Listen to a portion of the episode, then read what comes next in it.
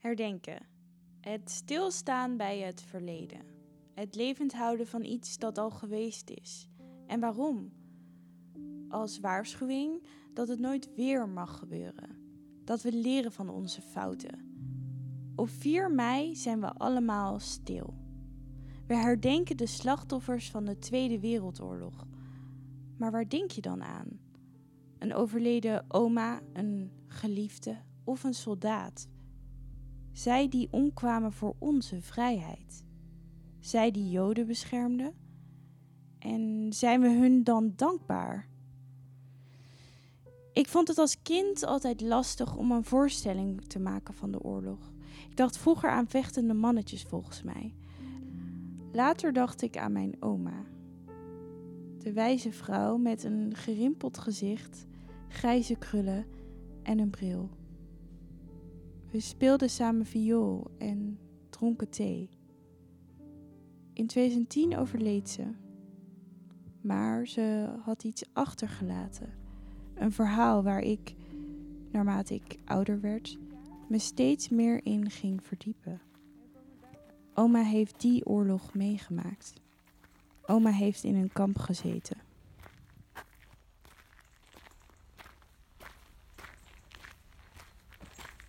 Zeg maar iemand die zo staat met zijn armen. Het is een zonnige maar koude dag.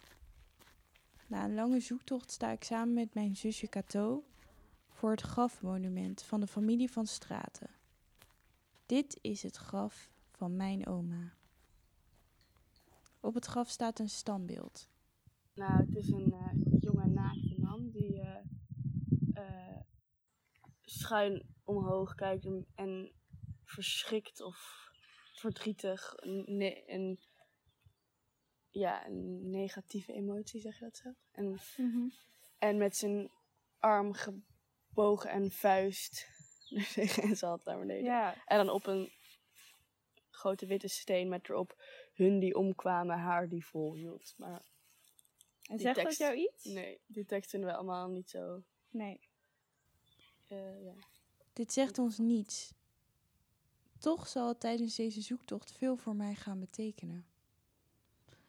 Het familiegraf zal het einde zijn van deze zoektocht en om bij het einde te komen moet ik eerst naar het begin. Op het Weesperplein in Amsterdam, Amsterdam. wordt een monument onthuld dat de de Weesperstraat. voor Een leeg plantsoen. Deze leegte was niet lang geleden nog opgevuld met een van de, of misschien wel het, controversieelste Nederlandse monument over de Tweede Wereldoorlog. Het monument van Joodse erkentelijkheid.